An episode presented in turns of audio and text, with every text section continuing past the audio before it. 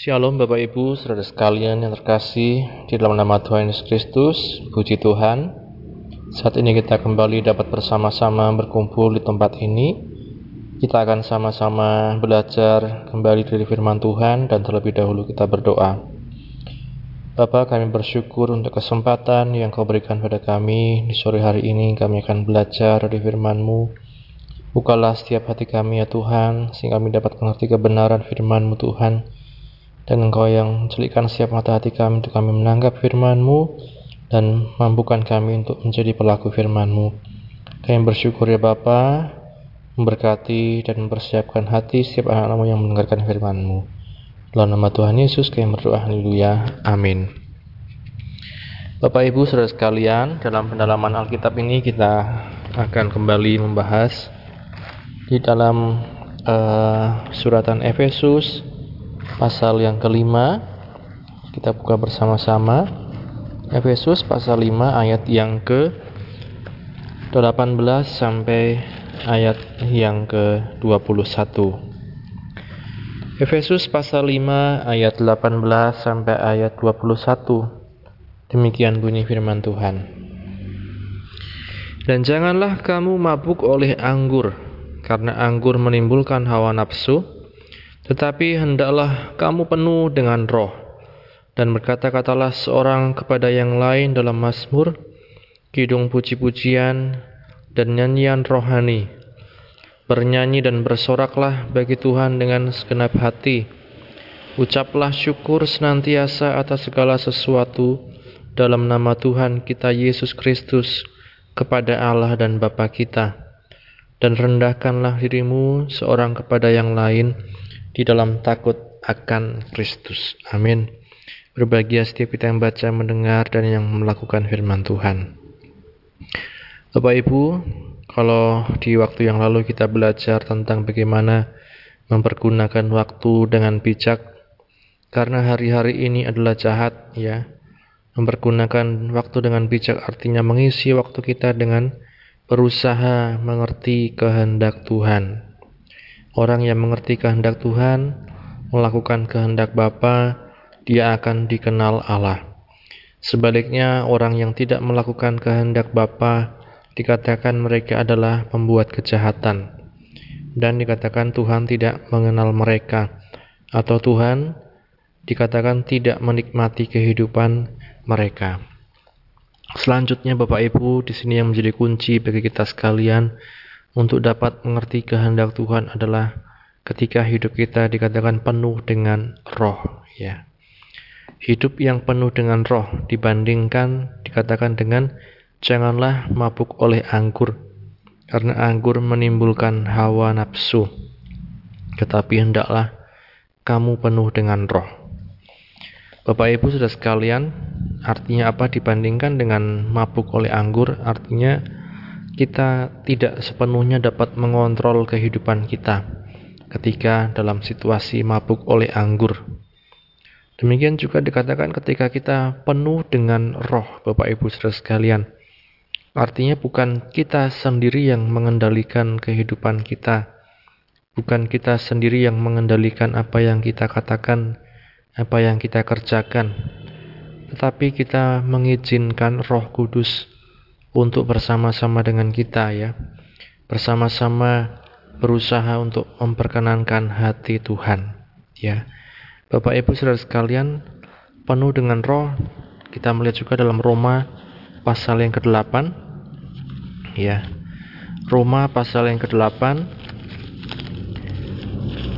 di ayat yang ke 9 ya Roma pasal 8 ayat yang ke-9 Tetapi kamu tidak hidup dalam daging melainkan dalam roh. Jika memang roh Allah diam di dalam kamu tetapi jika orang tidak memiliki roh Kristus ia bukan milik Kristus.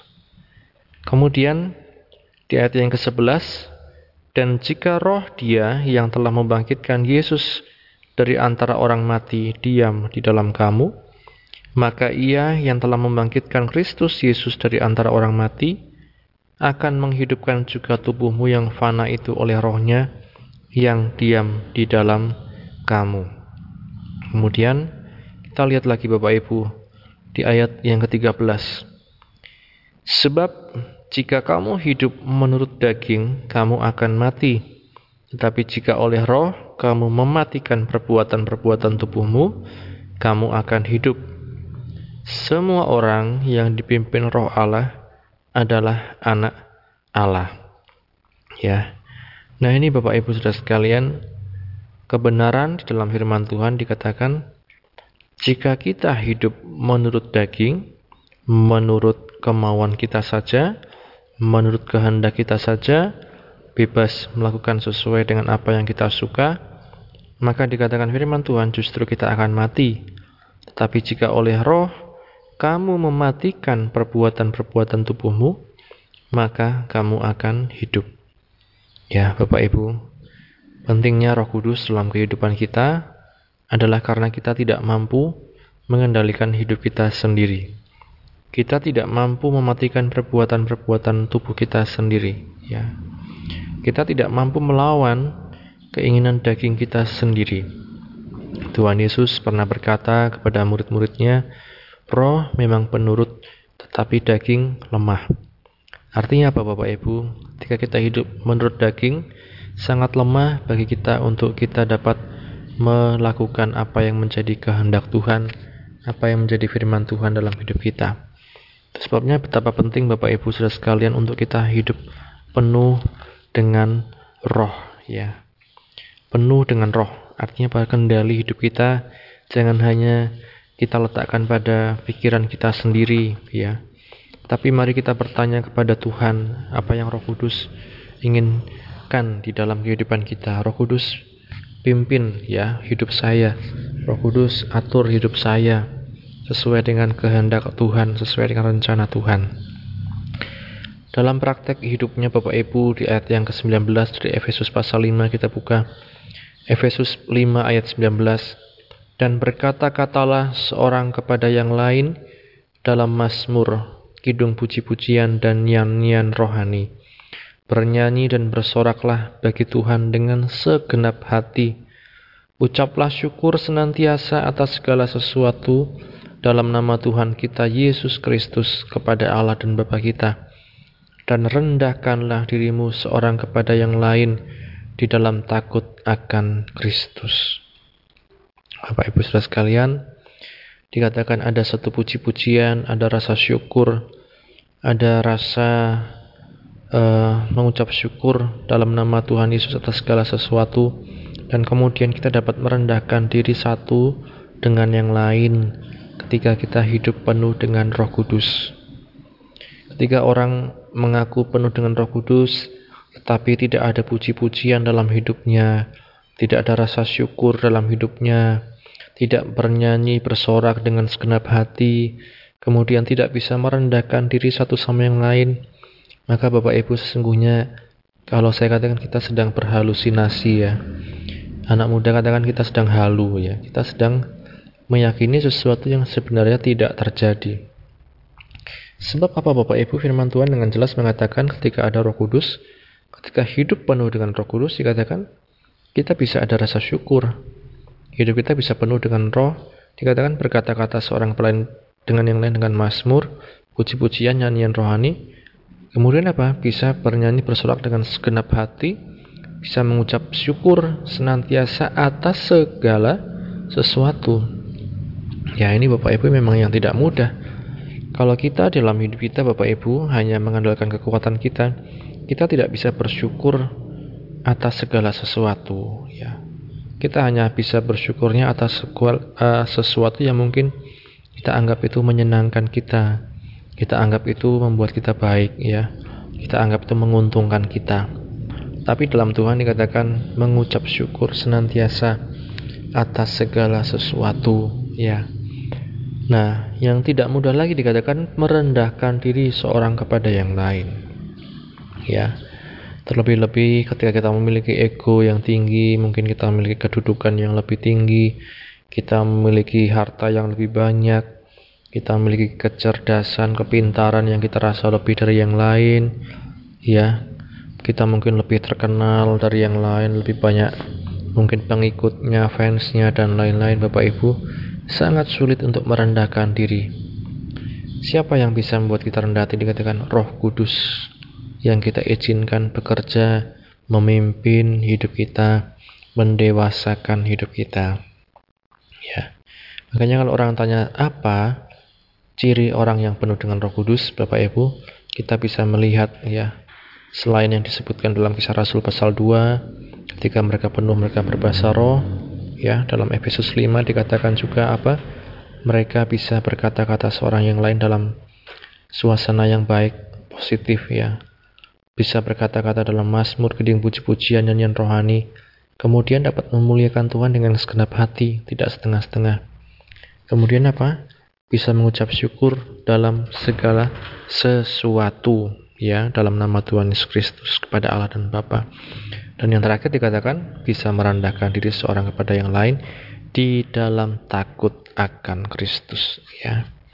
Nah, karenanya Bapak Ibu Saudara sekalian, kita belajar di Efesus pasal 5 tadi hidup penuh dengan roh itu membuat kita bisa mengerti kehendak Tuhan. Kehendak Tuhan yang seperti apa? Ya. Seperti yang di, dicontohkan oleh Rasul Paulus tadi ya, bisa mengucap syukur dalam segala sesuatu, bisa merendahkan diri satu dengan yang lain, memuliakan Tuhan dengan segenap hati, bukan hanya karena disuruh orang, bukan hanya karena kewajiban, bukan hanya karena jadwal dan lain-lain.